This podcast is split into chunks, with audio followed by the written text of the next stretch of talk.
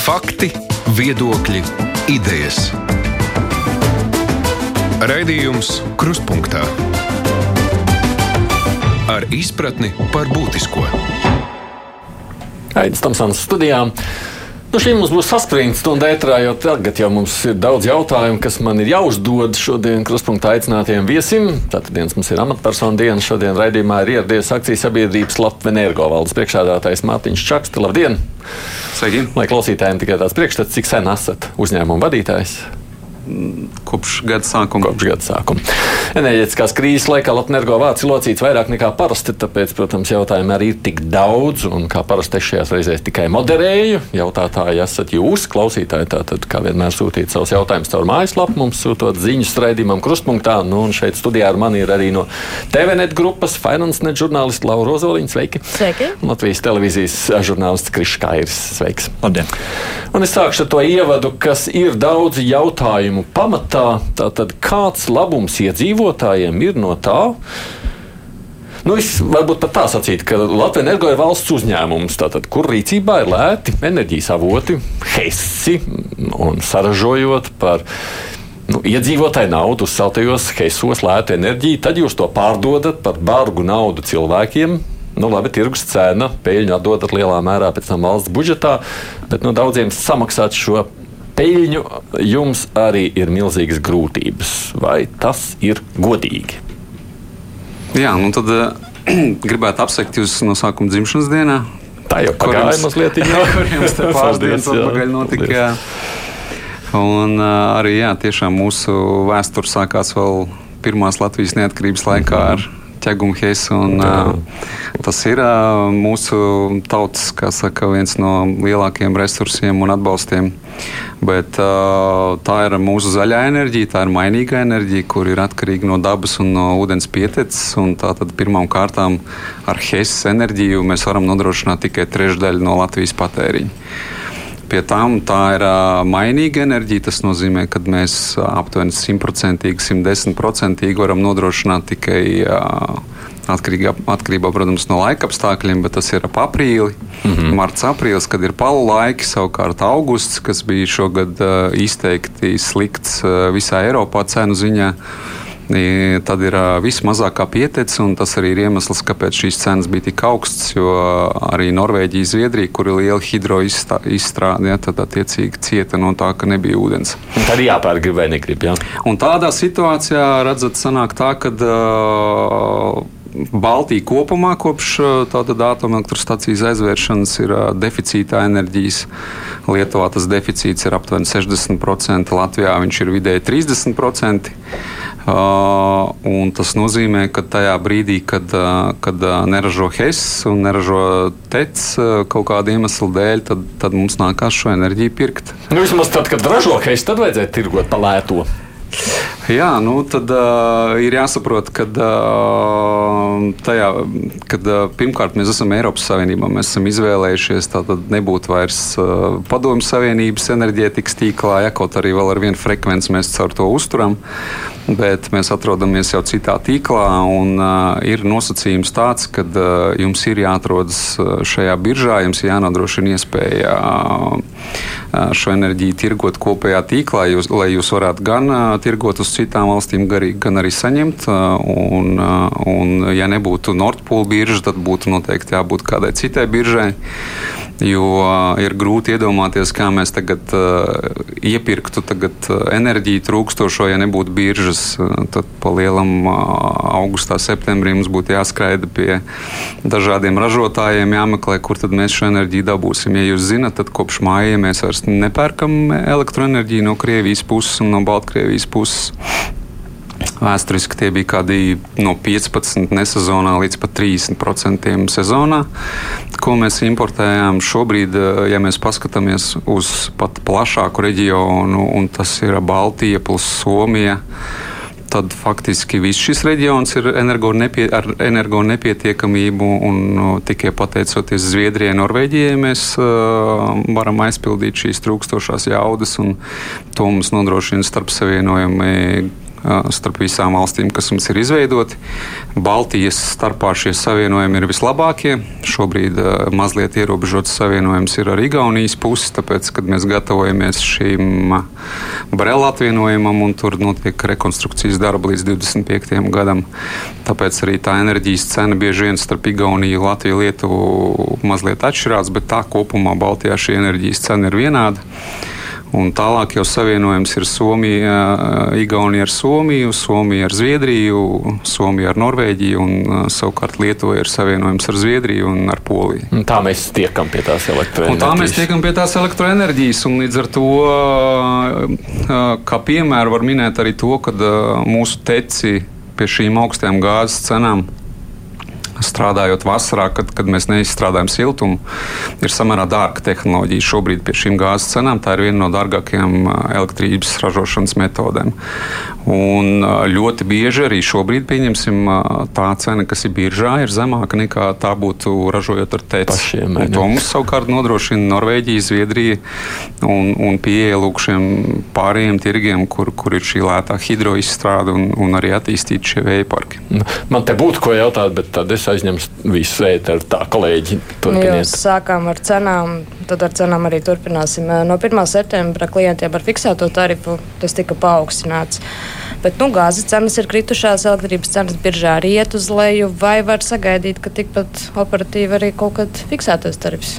Tiks samazināts atkal klientiem. Jā, tas, kas bija paaugstinājums septembrī, viņš aptuveni tika paaugstināts uz 24 centiem. Mhm. Faktiski, ja jūs paskatīsieties šī brīža cenas, tās ir 35 un, un vairāk kā tas paaugstinājums jau ir zem tā līmeņa, kāds, kāds šobrīd ir vērojams tirgu biržā. Šobrīd ir zināms kritums pateicoties tam, kad ir visā Eiropā neparedzēti silts laiks, eh, kas, kas eh, nu, nav, ir 6, 8 grādi virs vidējā, kāds, kāds ir bijis um, laika apstākļi.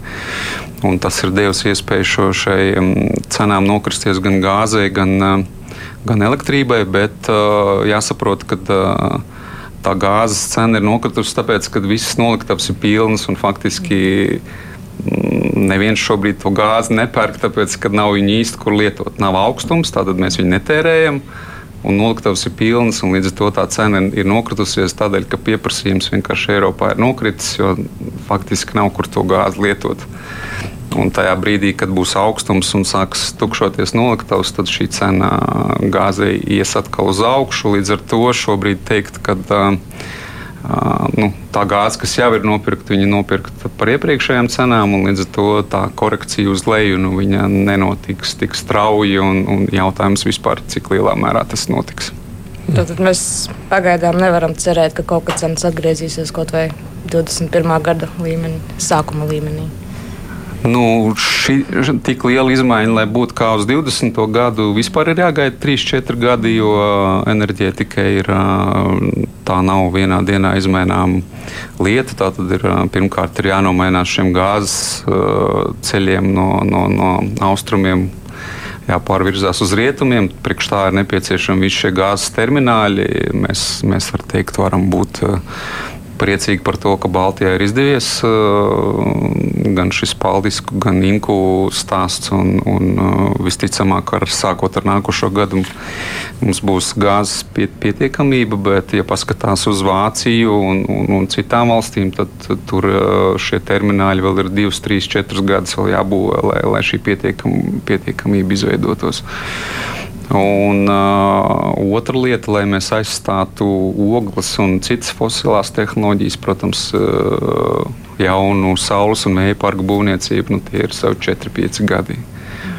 Tā kā par, par tādu nopietnu cenu korekciju, kas ir tāda ilgtermiņa, lai mēs visu gada griezumā varētu baudīt labākas cenas, tur ir jāgaida kādi pieci gadi. Bet, uh, Jau šobrīd mēs varam redzēt, brīžiem ir dienas un, un, un laiki, kad, kad, kad cenas biržā nokrīt. Tas ir tad, kad spīd saule, pūš vējš un, un, un ir laba hidroizstrāde. Mm. Uh, ja kolēģi vaicāja vairāk par tiem tādiem uh, statiskajiem tarifiem, tad es par tiem dinamiskajiem, par biržu. Kādas tendences tur jūs redzat tagad turpinājumā? Rudens ir uh, silts, uh, nu vismaz pagaidām es neesmu gan redzējis tuvākās prognozes, nezinu, kas tur notiks. Um, kad mēs varam sagaidīt to cenu lēcienu, ko speciālisti nu, jau kādu laiciņu prognozē? Ir ļoti daudz faktoru, kas ietekmē šo, šo cenu. Protams, ka galvenais ir šī, šī gāzes pietiekamība. Jā. Protams, ka tas risk, riskantākais brīdis būs.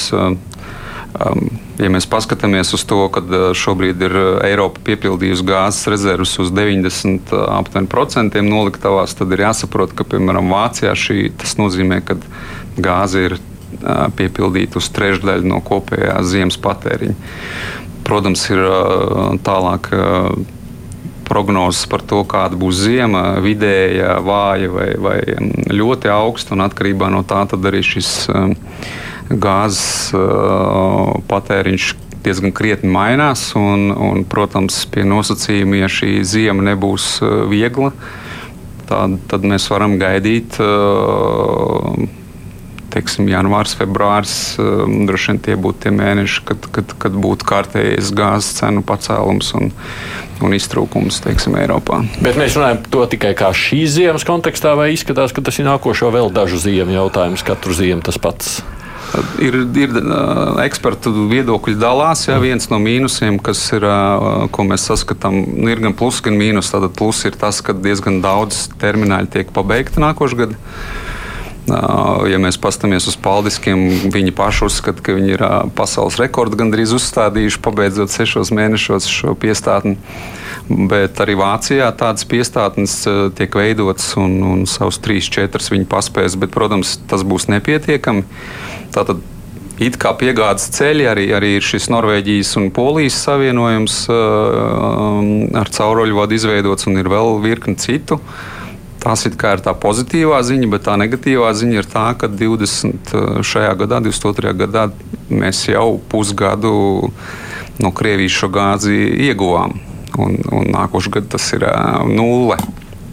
Līdz ar to, protams, tas atkal rada to vēl lielāku spiedienu uz nākošo gadu, kā mēs tās noliktavas piepildīsim. Tā kā, nu, es gribētu teikt, ka tas ir uh, tuvākā gada divu diezgan nopietns jautājums. Jā šī energoapgāde. Jā, jā. Par tiem uh, biežas uh, piedāvājumiem, ņemot vērā gaidāmās prognozes par cenu lēcienu un iepriekšējo mēnešu tos pīķus. Kā, kā tas ir ietekmējis interesi vispār par šo produktu kā tādu, cik daudz ir atteikušies no biržas produktiem, pārgājušas fiksētajiem? Mm, Biržas produkts eh, vismaz Latvijas energo portfelī nekad nav bijis izteikti liels. Eh, vienu laiku tas bija, varbūt tad, kad bija tiešām tas 20, 20. Eh, gads, tad, tad tas bija populāri. Daudziem teica, ka nu, darām tā kā ārzemēs, mazgājam veļu pa nakti. Un, un, un pa dienu ekonomējam, un tad es tur kaut ko ietaupīšu. Bet, bet faktiski šobrīd jau pēdēj, pēdējais gads un vairāk, cik mēs um, analizējam, tad um, Uz šo brīdi no, no 800 tūkstošiem klientu mums tikai 32 tūkstoši ir uz dinamisko produktu. Ja, tā kā pārsvarā viss ir uz uh, fiksētiem produktiem. Mazliet no klausītāju jautājumiem, un tad atkal kolēģi varēsiet turpināt. No tā, ko jūs sacījāt, Brinkmaņa saka, kungs, saka tā, bet tad jūs melojat. Te taču mums sinoptiķis saka, ka mitruma daudzums jau daudzu desmit gadu periodā nav mainījies. Jūs sakat, ka trūkst ūdens. jā, jā, bet tas jau vidējā izstrāde Daugovai tā tad ir 2,7 terawatt-stundas, patēriņš ir 7 terawatt-stundas. Nu, tā, tā ir vidējā izstrāde. Nu, Uh, ir, bij, ir bijis gads, kad iespējams Daugo, man liekas, tas bija četri gadi atpakaļ, kad Daugovā bija daudz lielāka šī pieplūde, kas ir nu, viens gadījums no desmit gadiem, un tad varbūt bija pāri pa trīs teravatstundām. Bet tas tā badās ir krietni nepietiekami pie tā patēriņa, kāds ir Latvijā. Mm -hmm. Savukārt viestures prasa tā, kāpēc mēs ražojam elektrību izmantojot gāzi? Kāpēc ne šķeldu?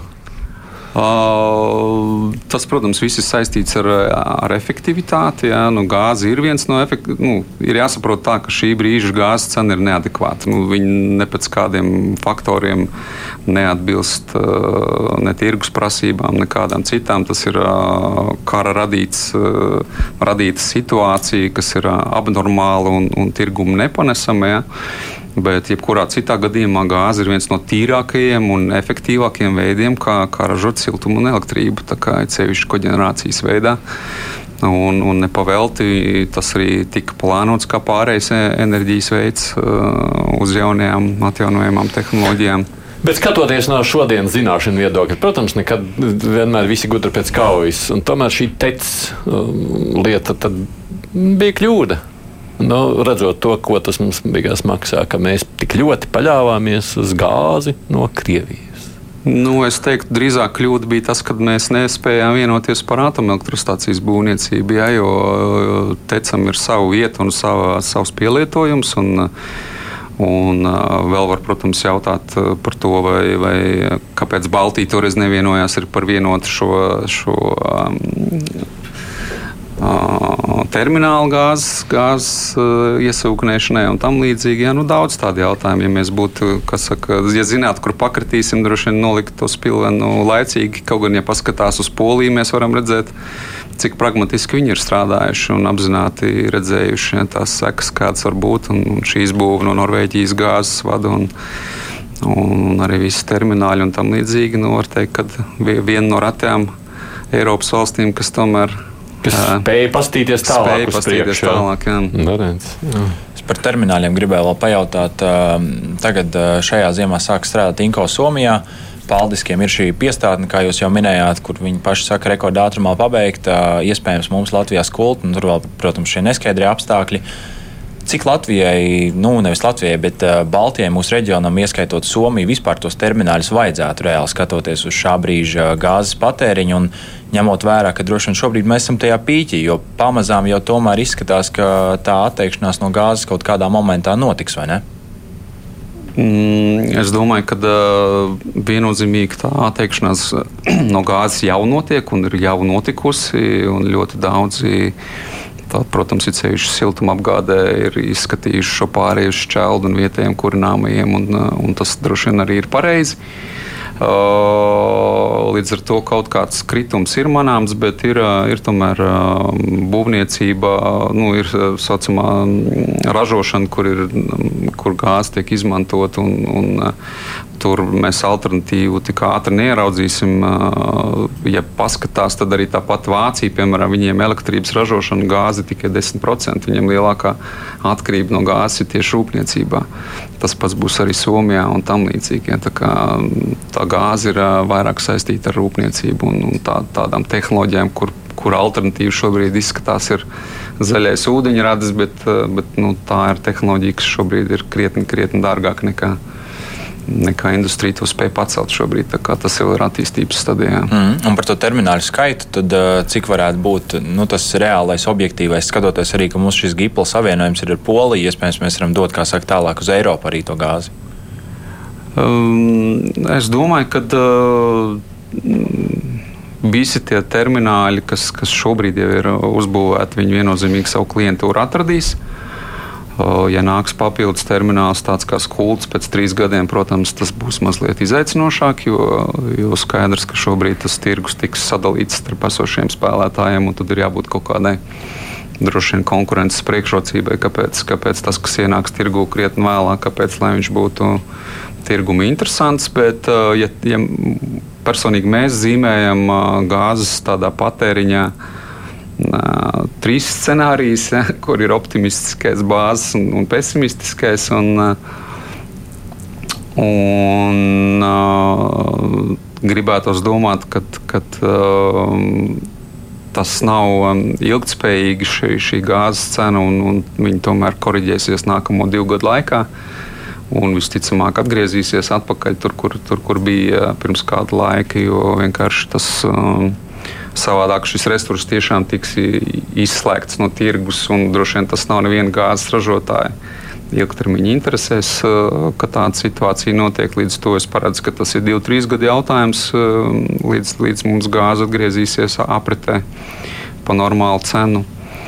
U, bet tas, ka kritīsies šis pieprasījums, kad 30% ir pilnīgi garantēti, ja vien rūpniecība to nekompensēs teiksim, ar kaut kādu pieaugušu rūpniecības patēriņu. Jo viens ir skaidrs, ka jaunas ēkas jau būvēs bez gāzes apkurses, esošās ēkas, kas tātad arī droši vien liela daļa pāries uz, uz citu veidu apkuri. Eiropai, plus arī ja, Latvijai, tātad nākotne, protams, ir elektrifikācija visāda veida. Ja. Tā kā, protams, ka ilgtermiņā šī gāze vairāk ir rūpnieciskais sektors. Precizējot 30% kritums kādā periodā. Es domāju, pret gada patēriņu, kāds ir šobrīd, kādā tas ir periodā. Nu šobrīd jau mēs esam ar 30% kritumu pret, pret iepriekšējiem gadiem. Nu, mēs redzam, ka droši vien tas kaut kā līdz, līdzīgā līmenī arī varētu turēties nākamos gados. Mm. Es prasu tā, tad zināms, ka Latvijas plāno būvēt atkrasta vēja parku, bet tā taču arī tāda mainīga enerģijas ražošana atkarīga no vēja. Cik jūs redzat reāls iespējas mums tomēr būvēt modulāros atomelektrostacijas, kas garantē stabilu ražošanu? Nu jā, te tehnoloģijas ir dažādas, ir dažādi viedokļi, ko būtu vērts attīstīt, ko nebūtu. Kas attiecas uz modulārajām atomelektrostacijām, ir viens nozīmīgs faktors, kas ir jāņem vērā tas ir realizācijas laiks. Tātad, ja mēs šobrīd, kā Latvija, vēlētos šādu veidu stācijas būvēt, tas ir vismaz desmit gadu perspektīvu uz priekšu. Tātad, tas būtu risinājums kādam laika posmam, jau sākot ar desmit gadiem uz priekšu. Kas arī nav slikti, protams. Kas nav slikti, un, ja jūs zinat, tad tik, tikko Polija pieņēma lēmumu būvēt divas atomstacijas, un kopumā laikam viņi plāno sešas šādas izbūvēt. Un, un, ja mēs skatāmies uz, uz nākotni, tad, protams, arī Latvijas energo skatās uz to, ka tas nākotnes enerģētikas portfels ir miks, nu, kurš sastāv no ļoti dažādas ģenerācijas veidiem, kas arī kopumā nodrošina šo vienmērīgo enerģijas izstrādi un, un vislabāko efektu. Ja, jo, Vēja tehnoloģijas un saules tehnoloģijas šobrīd ir tās, kas ir attīstījušās vis, vis tālāk, kuras nodrošina jau diezgan labus komerciālos rādītājus, un, un, un tās ir gatavas būvēt jau šodien. Un, protams, ka nākotnē skatoties, ja mēs vēlamies atteikties no fosiliem resursiem, kā gāzes, piemēram, un ja tajā brīdī nav citu risinājumu, kā ūdeņrads, nu, tad, protams, atomelektrostacija ir viens no risinājumiem. Starp citu, par šo atomelektrostaciju gribēju pavaicāt, ja nemaldos, Polija pagājušajā nedēļā noslēdz šo sadarbības līgumu ar ASV. Mums tur nevajadzētu kā ielikt durvīs arī mēģināt kaut kādu sadarbību ar amerikāņiem izvest šajā ziņā.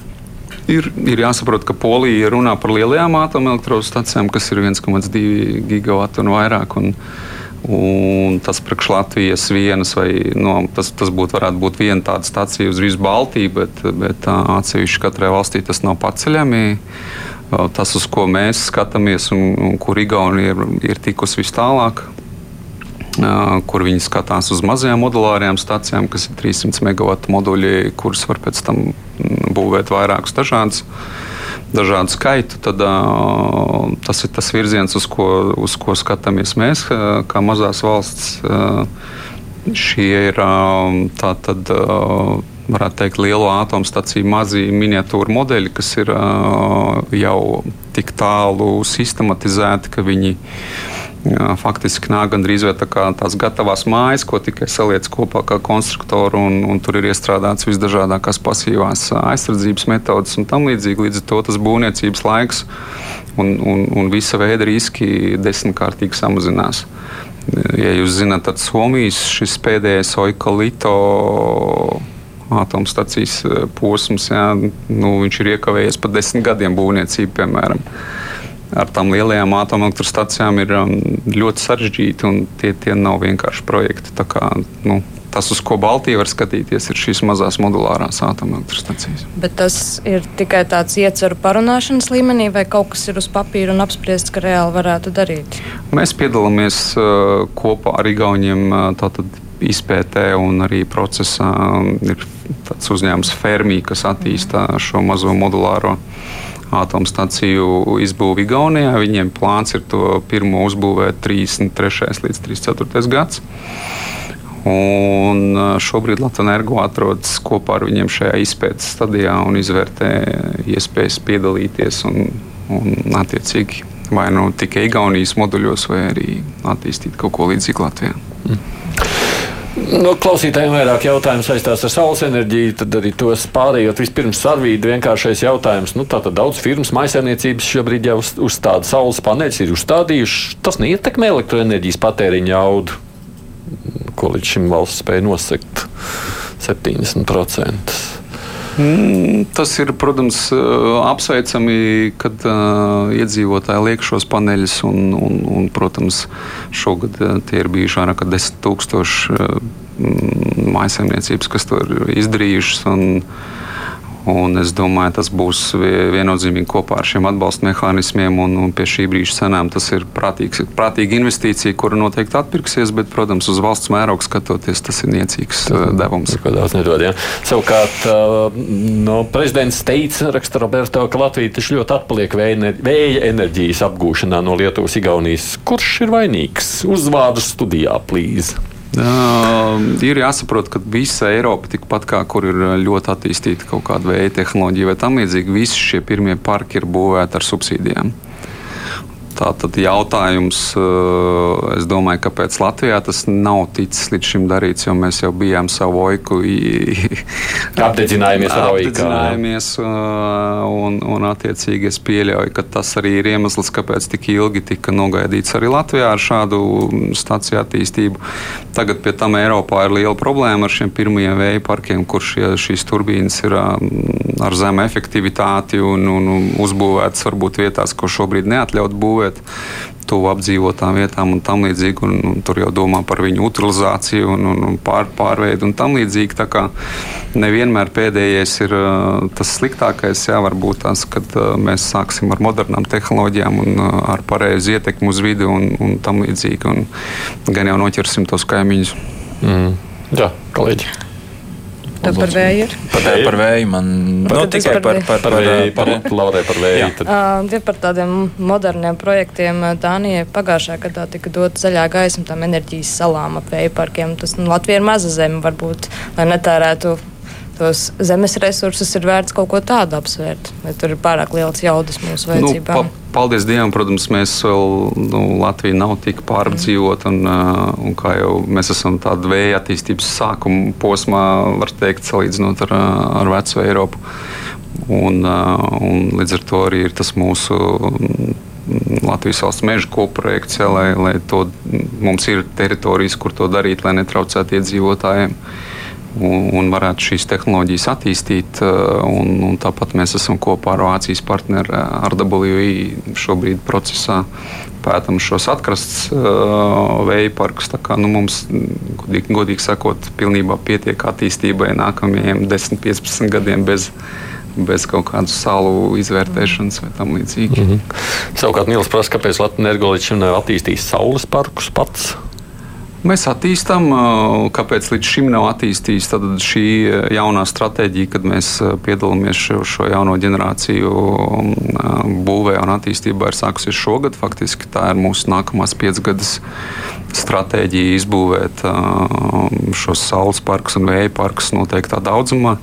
Tas plāns ir tāds, ka mēs vēlamies līdz 28. gadam sasniegt tādu ģenerācijas līmeni, mums pašiem pietiktu saražotās enerģijas mūsu patēriņam, tātad šie 7 teravati gadā, teravati stundas, un, un, un tad sākot ar 30. gadu tie attīstības plāni, ko mēs esam iezīmējuši, faktiski jau ir uz eksporta orientēti projekti. Nu, jā, bet iepriekšējā vadība pirms jums to nav darījusi, tāpēc, ka šķita, ka nav vajadzīgs. Pietik bija labi tāpat, vai ne? Nu, grūti komentēt, iekāpt teikt, kurpēs cilvēkiem, kas, kas bija tajā laikā un, un kāpēc bija tāda lēmuma. Es, es gribētu apsveikt tos, kas ir piedalījušies pie šīs jaunās stratēģijas izveides. Un, un, kā jau es teicu, šis brīdis vēl nav nokavēts, un, un mēs esam labās mm. pozīcijās, lai, lai uh, izpildītu tos mērķus, kādus mēs esam iezīmējuši un, un kļūtu par enerģijas eksportējošu valsti. Krišs, pirms tam turpināt, tikai atgādināšu klausītājiem un skatītājiem, ka mums šeit studijā ir akcijas sabiedrības Latvijas energovaldes priekšādātais Mārtiņš Čaks. Te klausītāji var uzdot savus jautājumus. Šeit ir mani kolēģi, kolēģis Laura Ozoliņa un Krišs Kairs. Raidījums Krustpunktā. Krišs. Jā, vēl paturpinot par uh, vēja parkiem, nu, tāda reāla projekta jau. Es nezinu, man pašam personīgi nenāk neviens uh, tagad galvā uz sitienu tāds Latvijas energo lielais vēja parks. Ja būs, tad uh, kad, kur, cik liels jaudas un varbūt arī tie ilgtermiņa mērķi, kādus plānots vispār tieši vēja enerģijai sasniegt, varbūt megawatu mm. ziņā? Jā, sākuši esam mēs par pavisam maziem parkiem, jā, un, bet tas nopietnākais parks, ko mēs plānojam būvēt nākamajos divos gados, ir 100 megawatu aptuveni vēja parks, kurš ir tāds kā um, parks, uz kuru mēs iestrādāsim tehnoloģijas, lai, lai vēlāk jau darbotos ar šiem Latvijas valsts mežiem kopā un izveidot 800 megawatu vēja parku nākamajos 5-6 gados. Un uh, saules parku attīstībā mēs šobrīd jau esam ap 40 megavatiem visā Baltijā izbūvējuši, bet uh, plānos ir ap 600-700 megawatu parkus izbūvēt līdz uh, mūsu stratēģijas beigām. Un, un, un iespējams, ka tie nākamie 200-300 megawatu parki nāks jau nākamajos divos, trīs gados. Mm, un par tām vietām, tam jūsu pirmajam minētajam 100 megawatu parkam, tieši novadziņā, piemēram, no ar ko rēķināsies arī iedzīvotājiem. Uh, jāsaprot, ka tie, kas ir parki, kur, kur var būvēt, kurus var būvēt jau šobrīd, tie tātad ir izgājuši jau visus šos ietekmus vidu, vidi um, posmus, un tātad tur ir saskaņojums gan ar pašvaldībām, gan, gan, gan ar um, vides dienestiem.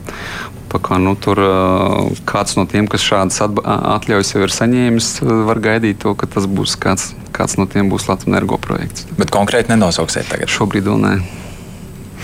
Tāpēc, vai jūs plānojat varbūt izbūvēt ūdeņrada degvielas baterijas, lai veidot šīs enerģijas uzkrāšanas iespējas? Jā, Mēs ļoti nopietni attiecamies pret, pret šo ūdeņraža izpēti un, un būtībā pret, pret to, kā nākotnē ko darīt tajos brīžos, kad, kad spīdēs saule, pūtīs vējš un, un, un enerģijas būs par daudz. Būs par daudz, un, un mēs pat šobrīd esam, varam piedzīvot pat arī šajos krīzes laikos vēl pavisam nesen. Septembrī bija brīži, kad oktobrī bija brīži, kad bija negatīvas cenas jā, enerģijai stundu, stundu, stundu griezumā, ja mm. mēs skatāmies. Tas ir tajos brīžos, kad ir ļoti daudz enerģijas Norvēģijā, jā, jā, mhm. pūš vējš un, un, un tam līdzīgi.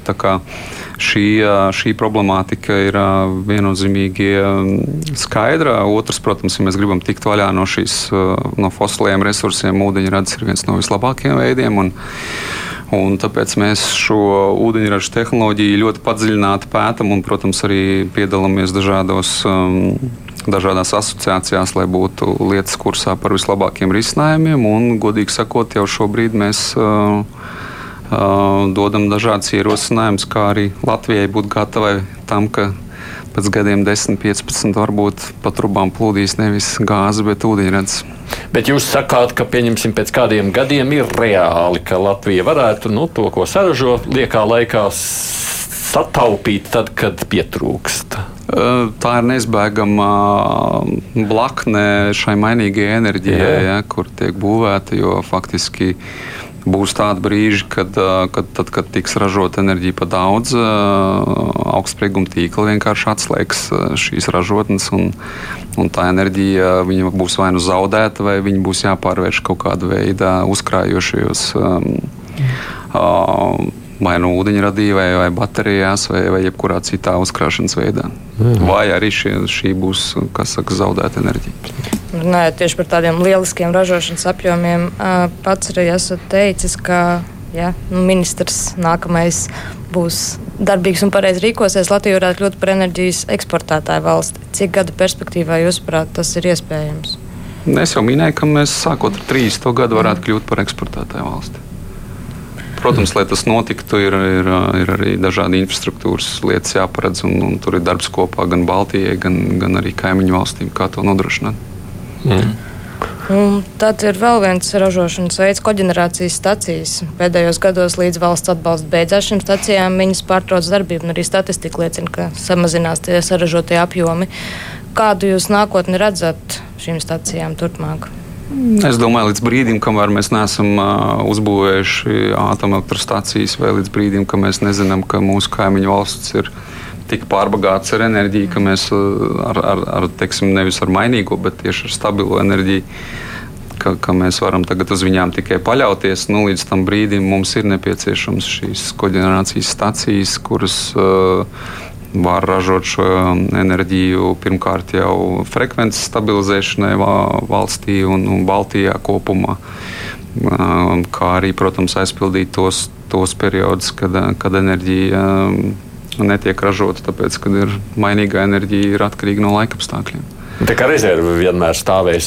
Jā, es domāju, ka arī, ja jūs paskatīsieties Polijas vai Vācijas plānus, kā viņi domā pāriet uz šo atjaunojumu enerģiju, tad tur vēl ar vienu tomēr ir šīs termoelektros centrā, centrālās stacijas, ja, kas, kas ir kā pārējais enerģija, lai, lai nonāktu līdz, līdz šai jaunajai enerģijai, kamēr vēl ūdeņrads nav tehnoloģiski, ekonomiski izdevīgs un, un nav atrisināti visi šie jautājumi, tikmēr gāze būs vismaz tuvākie 10, 15 gadi kā mhm. pārējais enerģija.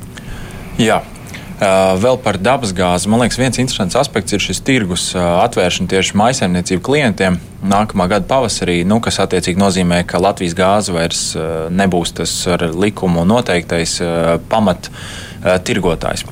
Eh, no Latvijas energo puses, eh, cik jūs procentu daļu redzat, ka varētu nu, jūs kā uzņēmums pārņemt no Latvijas gāzes klientiem? Un kā jūs vispār redzat šo situāciju? Tā būs līdzīga kā ar elektrību, ka varētu iesaistīties vēl un vēl šie elektrības tirgotāji, kā mēs to šobrīd redzam? Nu, Tieši tā, ir sen garām tie laiki, kad bija monopoli. Arī Latvijas energosena vairs nav monopols elektroenerģijas tirdzniecībā, un tieši tāpat arī gāzes tirdzniecībā nebūs monopols ne, ne Latvijas gāzes, ne Latvijas energo. Šobrīd gāzi jūs varat nopirkt no Enefit, Ignitis, no, no ST gāzes un daudziem citiem piegādātājiem, Aleksēla.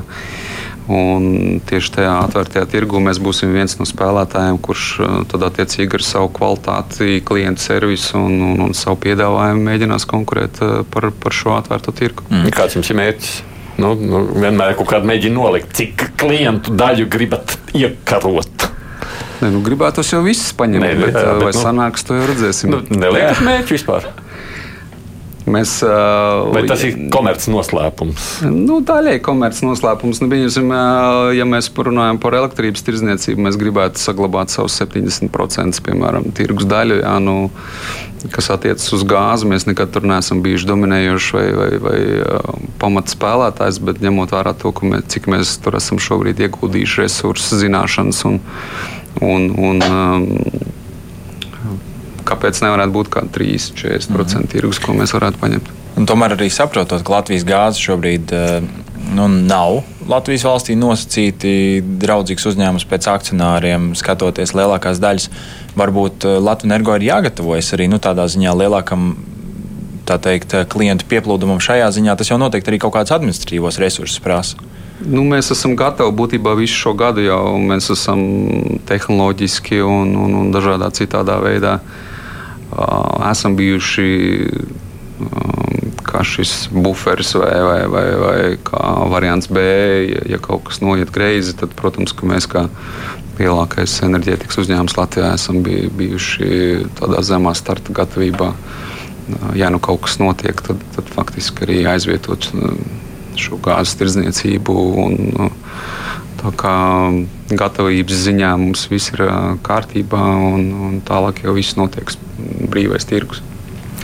Cik Jā, lielu nu apjomu Latvijas energo gāzes šobrid ir iepirkta? Septembrī beigās bija runa par 4 teravatstundām, ja nemaldos.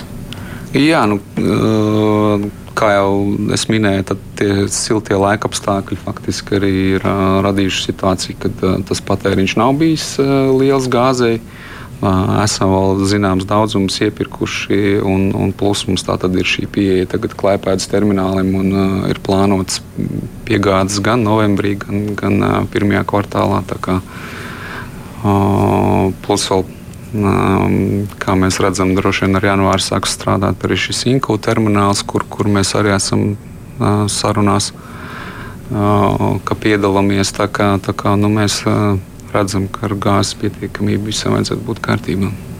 Apjomi nav svarīgi nosaukt, nu, tad prasīja kolēģi. Apjomi Cipari. nav svarīgi tādā ziņā, ka uh, Nu, jūs jau droši vien visu gadu garumā esat redzējuši, ja būs augsta ziema, būs mm silta ziema būs desinhronizācija, nebūs, un no tā viss tie apjomi mainās. Un, bet katrā gadījumā mums ir šī iespēja šo gāzi iegūt, dabūt. Mm. Raivo prasa par citu aktuālu jautājumu. Mēs redzam, kas notiek šobrīd finanšu tirgos. Sakot tā, vai tiešām Latvijas energo šodien ir kredīti bankās simtiem miljonu eiro? Un kā jūs skar procentu likmi kāpums? Vai beigās nebūs tā, ka jums miljonus eiro būs jāmaksā tikai procentos vien? Jā, mums uh, uh, aptuveni 700 miljoni ir aizņemtais uh, 700 miljoni, uh, kapitāls. Uh, protams, ka procentu likmes skar visus. Tā, tāpat kā Latvijas valsts skars, tāpat arī, protams, mūsu skars. Pateicoties mūsu labajiem kredītreitingiem, tas mūsu skars mazāk nekā, nekā teiksim, varbūt citas uzņēmumus, bet, protams, tas ietekmē jebkuru uzņēmumu. Cik jūs rēķināties pieaugumu? Nu, redzot, ka šis nav vienīgais procentu likuma kāpums, kā mēs redzam šobrīd Eiropas, faktiski jau teiktais, sakot, ka būs vēl. Nu, šobrīd mēs esam uh, nofinansējuši to tās vajadzības, kādas mums šobrīd ir nepieciešamas. Līdz ar to tie turpmākie kāpumi, kas būs, tie mūs neietekmēs. Pēc tam jau jāskatās, ir tad, kad nākošais gads vajadzēs pagarināt vai turpināt kādu no aizņēmumiem. Mm. Bet tie, nu, tie kāpumi jūs jau paši varat tirgu redzēt, kādi viņi ir. Nu, kas nozīmē diezgan liels summas. Uh, 700 miljoniem ir liels summas. Nu, nu, te ir jāņem vērā arī, protams, inflācija un, un, un visi citi faktori. Nu, Ne, bet nu, šie, šie skaitļi publiski būs pieejami. Protams, ne? protams. Viņiem jābūt pieejamiem. Kolēģi? Es gribēju vēl par inflāciju patiesībā pajautāt. Uh, nu, viens ir šīs procentu likmes, otrs ir projekta īstenošana reāli dzīvē jau. Kā ar tādiem investīciju projektiem šobrīd, Latvijas energo izdodas visus, nu, piemēram, būvdarbus īstenot, kas bija ieplānoti šī gada sākumā, skatoties tām pieaugušajām cenām, vai varbūt kaut kas ir nu, teikt, pārplānots uz tālākiem gadiem tam līdzīgi? Protams, ka tas ietekmē kā jebkuru šobrīd uzņēmumu, kas, kas, kam ir nepieciešama būvniecība un tam līdzīgi. Nu, nākam pretī, cik varam, un, un, un, un pārskatām kopā ar mūsu sadarbības partneriem šo, šo inflācijas kāpumu, mēģinot atrast šo uh, kompromisu starp, starp, starp to inflāciju, ko mēs esam gatavi kompensēt. Un, un, un, un ko nē. Un, uh, Tas viss var teikt, ir ievilcis lielu daļu projektu vai, vai, vai, vai, vai pavilcis garumā, bet tā kā ap, apturējis tā nav. Mēs kaut kā tomēr beigās atrodam šo kompromisu un ceļu uz, uz realizāciju. Mm. Parādi pāriet pie politikas un uh, plānotās jaunās enerģētikas, klimata un vidas ministrijas. Kāda, jūsuprāt, tai būs plusi un kādi mīnusi? ar ir jārēķinās? Mm, es domāju, ka uh, idejiski, uh, ka, cik es saprotu, tas varbūt nāk kaut kur arī no Eiropas Savienības modeļa, bet kad um, jaunā valdība uh, uzsākot savu jauno ciklu, darbības ciklu, izvirza kaut kādas prioritātes un mērķus, un, un attiecīgi tam arī novirza kaut kādu veidu resursus un uzmanību.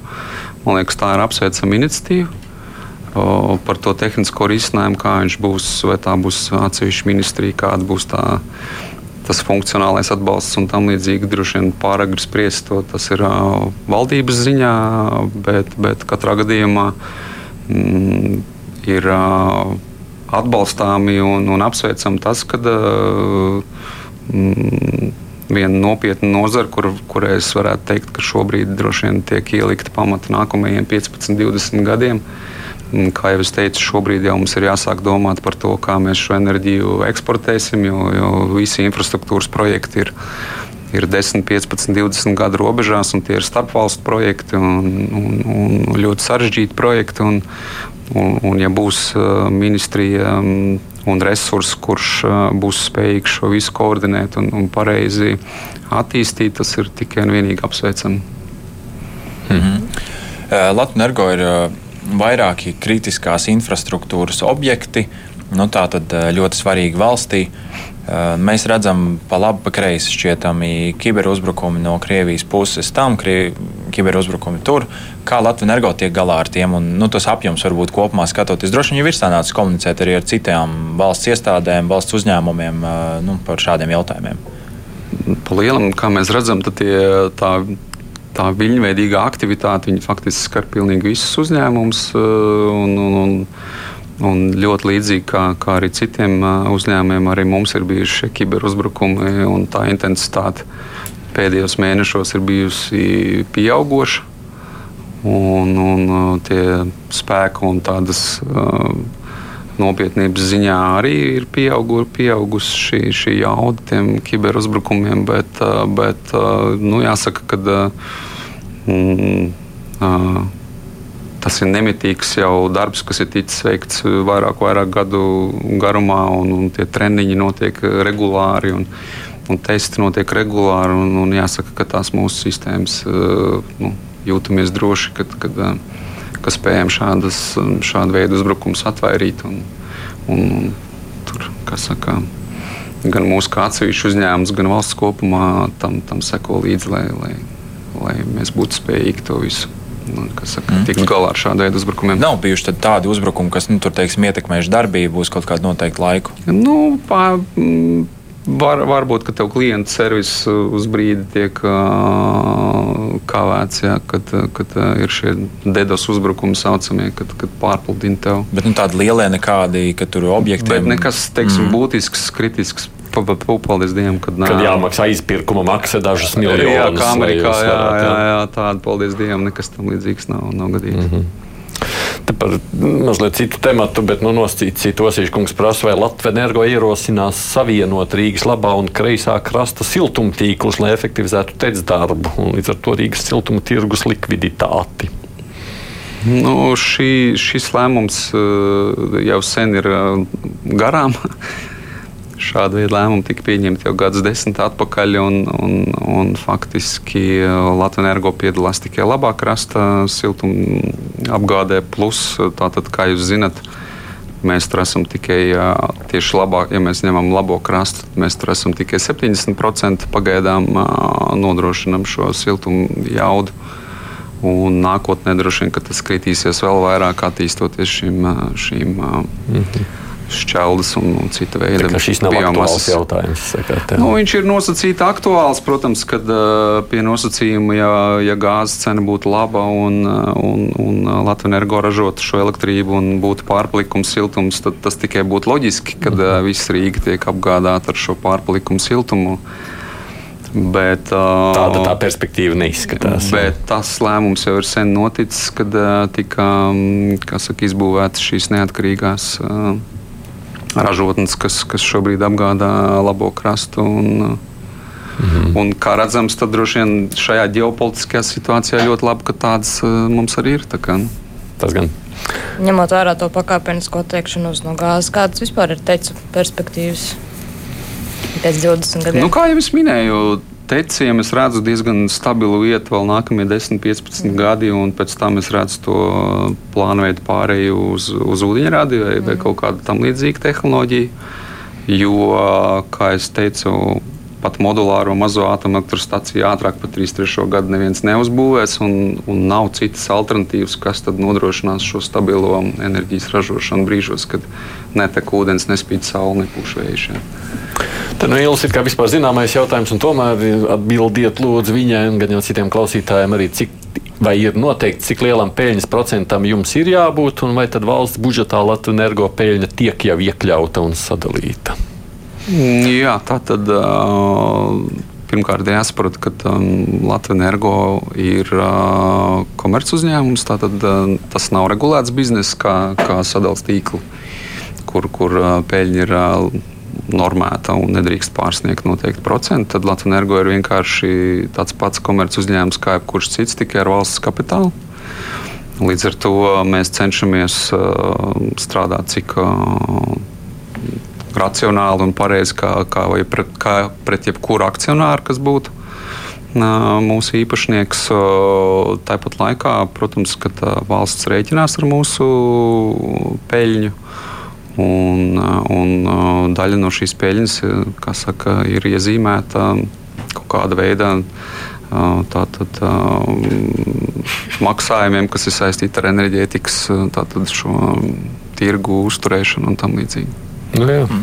Divi mēneši vēl palikuši šogad, bet uh, varbūt jau ir kaut kādas aplēses, ar kādu peļņu jūs rēķināties kā uzņēmums šajā gadā. Es nedrīkstu šādas minējumus izteikt, jo mēs esam biržā, mēs kotējam šīs zaļās obligācijas. Jāsaka, ka gads ir ļoti sarežģīts. Kā, kā jūs redzat, šobrīd cenas biržā saka, atkal ir ļoti zemas. Ja, un, un, un, un, un tā situācija, kad, kad kad mums ražošanas nebija, augustā cenas bija ļoti augstas, un tad mēs dabūjām pirkt enerģiju. Tagad, tagad mēs ražojam, bet, bet cenas biržā ir zemas. Un, un, un, nav tik vienkārši, kā tas viss varbūt no malas izskatās, ka tā peļņa ir, ir vienkārši nopelnām. Ir, ir sevišķi ļoti sarežģīti. Tas ir šobrīd ar šīm gāzes cenām, kad, kad, kad vienā mēnesī tev gāze maksā 300 miljonu kuģis, un nākamā mēnesī viņš tam maksā 100 miljonu, un nākamā būs atkal 200. Un, un tur, protams, ir ļoti sarežģīti visi šie cenu fiksēšanas un, un, un modelēšanas un, un, un darbs pie tā, lai mēs spētu sabalansēt um, tik sarežģītu situāciju, kāda nav bijusi nekad. Un, nu, ceram uz pozitīvu rezultātu, bet, bet tieši to, kāds būs tas peļņas lielums, nu, es šobrīd tādas prognozes neizteikšu. Bet, bet katrā gadījumā būsim eks, ekspektētajās robežās. Teiksim, mm. Par apgrozījumu tas pats arī īsti nekādas prognozes nedrīkst izteikt. Nu, apgrozījums ir, ir, protams, dēļ, dēļ šīm cenu kāpumam ir pieaudzis. Un, nu, viņš būs, būs rekordliels. Nu, nu, viennozīmīgi, jā, jā. Es, ne, es domāju, ka divu miljardu mēs nesasniegsim, bet tuvu tam būs. Nu, bet patēriņš ir krities, ja, kas publiski skanējis elektrības, elektroenerģijas patēriņš. Mm, ir, kād, ir pēdējie mēneši šis kritums novērojams, jā, un, un, un, un to varbūt ir grūti pagaidām nosacīt, kas, kas tieši ir tie iemesli, bet ir zināms kritums. Jā. Mm. Bet uh, es uh, katrā gadījumā. Nu, Šis gads ir sarežģīts, un tas ir jāsaprot. Skaidrs, ka šobrīd uh, iekonomēt un, un efektivizēt tas ir pamatu uzdevums, kas, kas par ko katram ir jādomā. Uh, Bet nu, ilgtermiņā skaidrs, ka um, elektrības pieprasījums augs un, un tas patēriņš tikai augs. Pēc tam atkal mums jābeidz. Paldies jums gan saku kolēģiem, gan klausītājiem ar sūtītiem jautājumiem, gan akcijas sabiedrības Latvijas valdes priekšsēdētājs Mārtiņš Čaksts, kas bija šeit studijā, no kolēģiem Krišs Kairs no Latvijas televīzijas un Laura Ozoliņa no Finance Net, kas ir TVNet grupā. Kruspunktā producente Tevi Junām, studijā savukārt raidījumu vadīju es Aidis Tomsons.